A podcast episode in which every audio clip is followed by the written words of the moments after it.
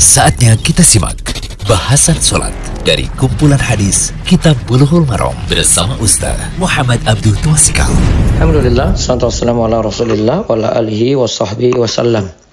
Kali ini kita berada di audio ke-7 dari pembahasan Bulughul Maram Kitab Salat karya Imam Ibn Hajar Al-Asqalani. Kita lihat hadis ke-160 dari Rafi' bin Khadij radhiyallahu anhu. Qal qala Rasulullah sallallahu alaihi wasallam asbihu bisubhi fa innahu a'dhamu li ujurikum. Rawal khamsatu wa sahhu Tirmidzi wa Ibnu Hibban. Dari Rafi' bin Khadij ia berkata Rasulullah sallallahu alaihi wasallam bersabda, kerjakanlah sholat subuh jika waktunya sudah yakin masuk karena seperti itu pahalanya lebih besar. Dilakukan oleh yang lima yaitu Abu Daud, Tirmizi, Ibnu Majah, An-Nasai serta Imam Ahmad. Hadis ini disahkan oleh Tirmizi dan Ibnu Hibban. Syekh Abdullah Fauzan menyatakan hadis ini disahkan oleh Tirmizi, Ibnu Hibban, Ibnu Qattan, Ibnu Abdul Hadi dan Ibnu Taimiyah dalam fatwanya.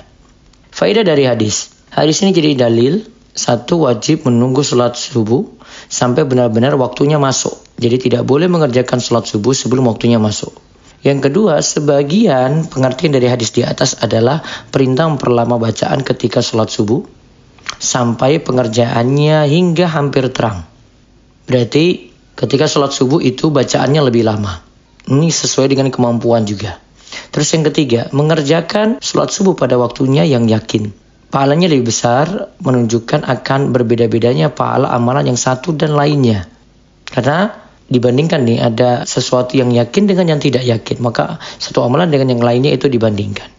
Kemudian yang keempat padahal Allah yang memberi kita taufik untuk beramal soleh Allah juga yang berikan kepada kita balasan. Karena dalam hadis sebutkan amalan itu akan dapat pahala yang besar. Yang kelima Nabi Shallallahu Alaihi Wasallam biasa mengerjakan sholat subuh lebih awal yaitu di waktu golas masih gelap Nah, demikian dikatakan oleh Syekh Muhammad bin Shalih Utsaimin juga dinyatakan oleh Imam Sunani dalam Subulus Salam. Wallahu a'lam bishawab.